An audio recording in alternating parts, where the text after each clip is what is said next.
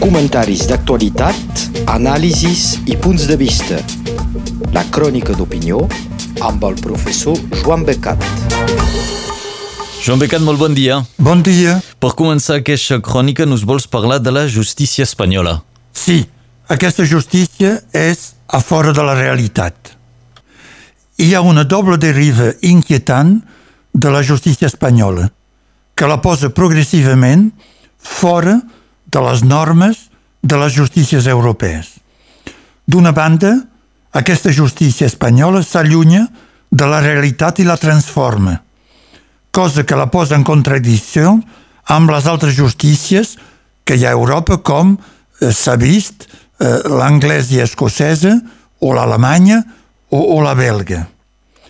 Eh, D'altra banda, s'ha convertit en un instrument de repressió política, cosa que en fa una justícia política, en sentit propi, com dins dels règims autoritaris i dictatorials.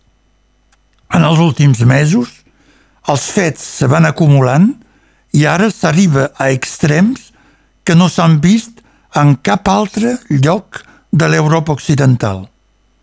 L'exemple més recent és la reunió de totes les causes de les instruccions judicials, dirien a França, que concerneixen els CDRs arrestats preventivament al setembre, els manifestants arrestats des de fa 15 dies durant les protestes i manifestacions contra la sentència del Tribunal Suprem i també dins les causes.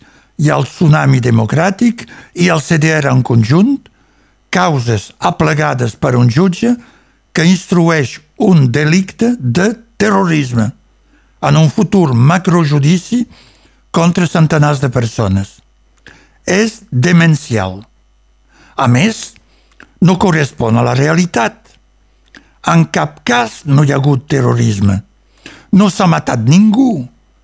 No, la, la població de Catalunya no viu dins del terror. És canviar els conceptes i batejar terrorisme el que són manifestacions amb, com a màxim, alguna violència pels carrers. A veure, siguem clars. A França se sap molt bé què és el terrorisme, perquè n'hi ha hagut moltes manifestacions a Charlie Hebdo, al Bataclan, a Nice i a molts altres llocs. A Barcelona i a Cambrils també ho saben què és el terrorisme, car l'han patit fa dos anys. El terrorisme és matar innocents per fer por a la gent, sigui per prendre el poder, sigui per crear un clima d'inseguretat i de terror dins la societat, amb tot el que se'n deriva. El que passa actualment a Catalunya no és terrorisme. El bloqueig de l'aeroport de Barcelona, el tall de l'autopista al Pertús, i de moltes vies de comunicació a Catalunya. Les manifestacions no són terrorisme. A França no vindria l'idea de ningú de dir que manifestacions són terrorisme, que tallar vies de comunicació o eh, les carreteres és terrorisme. Les armilles grogues, per exemple, que des de fa un any tallen la circulació als giratoris, que cada dissabte manifesten acompanyats de violències, d'ells i d'infiltrats. No són terroristes, les armilles grogues. A Espanya sí. Si fossin a Espanya, la justícia espanyola els podria detenir i acusar de terrorisme. Sabeu clarament que la justícia espanyola és completament a fora de la realitat. En tenim la prova amb els manifestants detinguts dilluns i dimarts passats per la policia francesa a l'autopista al Pertús. Van ser presentats a un jutge francès, se'ls està audicionant, que els ha inculpats d'obstrucció a la via pública. És efectivament el que han fet. Han tallat la via pública. Com a màxim, tindran una multa, un verbal, de l'altra banda de la frontera, un jutge espanyol investiga els detinguts de la mateixa manifestació per terrorisme. Són bojos aquests jutges espanyols. Pregunta. És que tots els jutges espanyols són així? Evidentment no. Fins i tot hi ha agrupacions de jutges que han protestat per les detencions preventives i eh, pel judici als presos polítics catalans. Doncs què passa? Passa, com us ho he explicat diverses vegades, que hi ha dins la magistratura espanyola, des de la transició democràtica, jutges franquistes que s'han quedat o que han entrat de dreta i d'extrema dreta. Quan hi ha queixes contra l'independentisme català, els, contra els polítics, ara contra la gent, els que porten queixa, sigui el govern, sigui el partit Vox o d'altres, no porta queixa davant de qualsevol jutjat, sinó davant del jutjat on se sap que hi ha un jutge polititzat, pròxim de la dreta més espanyolista o de l'extrema dreta franquista. I aquests jutges i fiscals, que són els jutges d'instrucció, qualifiquen els fets com els hi convé i no com són realment. Distorsionen l'instrucció i la realitat perquè coincideixin amb el seu objectiu polític. És això que està passant des de fa dos anys. Perquè és fa dos anys que Mariano Rajoy ha confiat la repressió a la justícia espanyola eh, i a jutges que eren del seu partit. Marchena i els altres són del PP o pròxim del Partit Popular. A la justícia s'ha apoderat de la repressió i ara funciona per ella mateixa. Pedro Sánchez, que ho podia parar, ho ha deixat fer. I ara no hi ha qui pugui parar aquesta maquinària repressiva que s'ha embogit. Aquests jutges, com s'ha vist pel Tribunal Suprem i el jutge Marcellina i els seus fiscals, fan passar el criteri polític abans del judicial, fan passar la privació de drets abans del respecte dels drets humans i democràtics i prefereixen tenir el discrèdit internacional per ells i pel seu país si en compensació poden castigar com els hi convé i no com diuen les seues pròpies lleis espanyoles. De banda i banda del Pirineu són dos mons radicalment diferents i contraposats. La justícia boja i fora de realitat al sud, la justícia normal als països europeus de l'altre. Reflexions sobre la justícia a l'estat espanyol amb Joan Becat i ara és de política que parlarem després d'amenaçar Pedro Sánchez negocia. Sí, és un personatge molt curiós aquest. Alguns el diuen tonta, eh, d'altres pensa que és molt polític, eh, en tot cas no té constància eh, i no s'hi li pot fer confiança. Eh, amb les segones eleccions generals, que pensava que guanyaria àmpliament i que li han resultat més desfavorables que les primeres a l'abril, doncs el senyor Pedro Sánchez ha pres por i ha entès la lliçó. Almenys ho sembla. No crec que hagi canviat, sinó que s'adapta i ara eh, diu eh, el contrari del que declarava fa tres mesos. Victor Hugo escrivia Le coup passa si près que le chapeau tomba et que le cheval fit un écart en arrière. Dins Mon père ce héros. Li ha passat el mateix.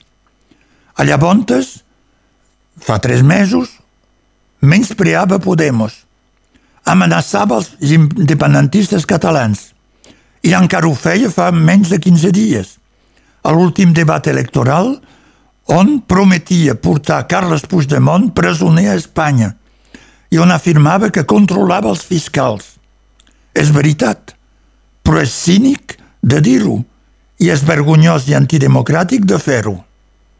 Pedro Sánchez és un personatge canviant segons els seus interessos. Bastant descarat i de poca confiança. Però ara, si vol formar govern, li cal Podemos i Esquerra Republicana. En Pablo Iglesias va ser aviat arreglat. Dos dies, només dos dies, després dels resultats, eh, s'havien vist, s'havien posat d'acord i se feien abraçades públiques, com enamorats. Eh, de poc se'ls hi proposava un pax. Embrassons-nous, Folleville, deia una comèdia de boulevard. Pablo Iglesias no podia ser vicepresident fa tres mesos. Ara ho serà. Tres ministres era massa per Podemos. Ara en tindrà quatre. Calia que Podemos ajudés de fora sense acord. Ara hi haurà un pacte escrit. Me amb això no n'hi ha prou. Fins i tot afegint els elegits regionals d'aquí o d'allà i els bascos no n'hi ha prou, car els diputats d'ERCs són necessaris. A més, amb els vots de l'exterior, els bascos han perdut un diputat, que ara té el PP. Per tant, fins i tot amb els 10 diputats residuals de Ciudadanos no n'hi ha prou.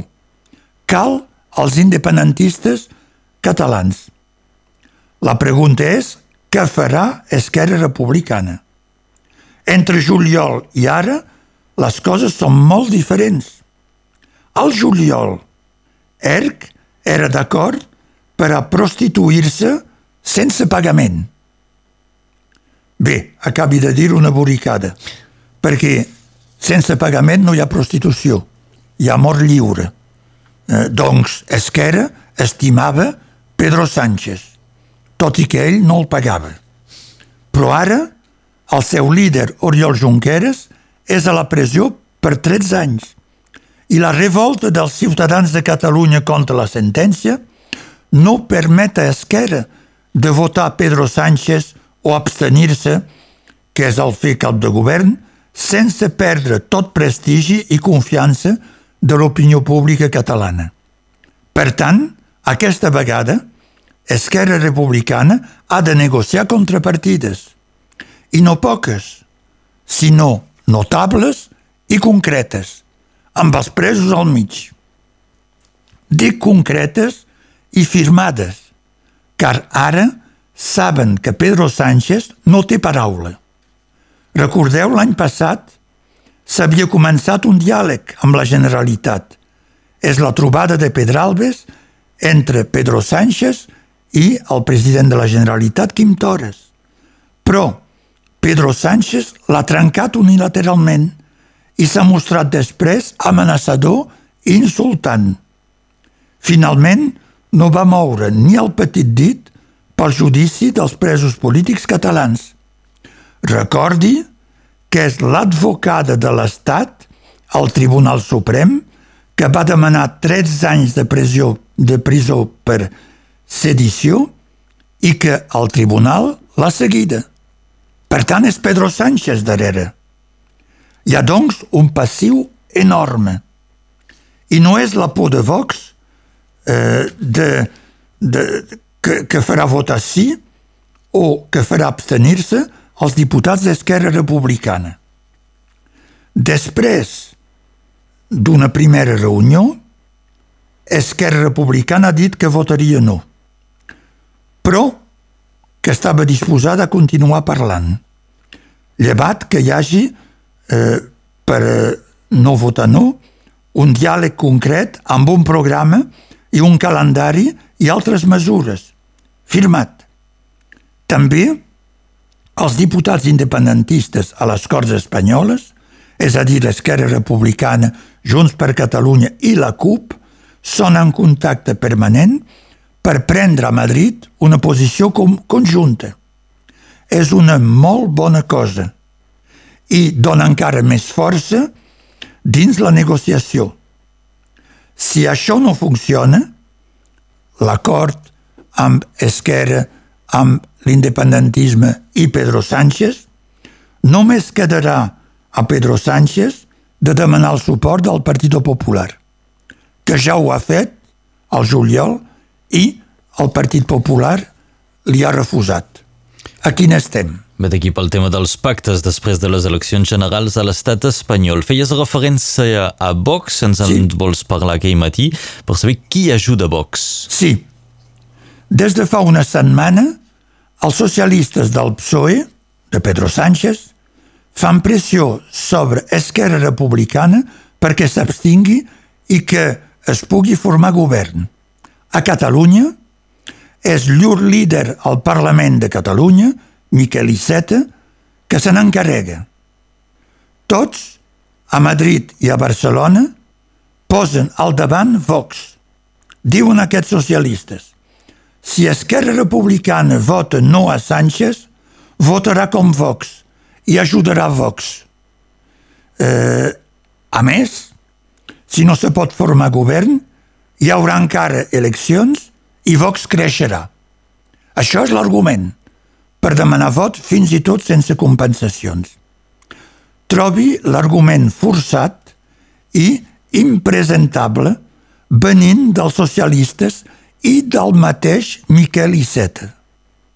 Recordi que fa menys d'un mes, a la manifestació dels unionistes antiindependentistes al Passeig de Gràcia de Barcelona, ell, Miquel Iceta, i els socialistes desfilaven desfilaven amb Vox i amb els partits de dreta. Socialistes i Vox, mateix combat contra l'independentisme. Qui ha ajudat Vox a ser un partit com els altres? Qui els ha integrat dins el joc polític? Qui els hi ha donat un certificat de legitimitat? Sinó Miquel Iceta i els socialistes. I ara serien els que sempre han combatut Vox, els que són perseguits en justícia per Vox, que serien els culpables? Quina barra! Quins collons, com diria el president Torra. Ara, per ara, no se pot imaginar a França els socialistes o els republicans desfilar dins d'un acte comú amb Marine Le Pen i el Rassemblement Nacional. A Espanya, això ha passat diverses vegades i encara fa uns 15 dies. Fins i tot, la dreta espanyola governa regions amb els feixistes de Vox. És ella qui ha afavorit i que primer l'ha promogut aquest partit. És veritat que els lligams existien, car el líder de Vox, Santiago Abascal, és un exdiputat del Partido Popular. Ara, Vox és impulsat per la dreta espanyola, Vox és legitimat pels socialistes espanyols i posat al davant de l'escenari per la justícia espanyola. Com és Espanya avui, aquesta Espanya postdemocràtica? Realment lamentable. Són els comentaris que ens oferia avui el nostre cronista sobre temes d'actualitat, Joan Becat. Moltes gràcies. Bon dia a totes i a tots. Comentaris d'actualitat, anàlisis i punts de vista. La crònica d'opinió amb el professor Joan Becat.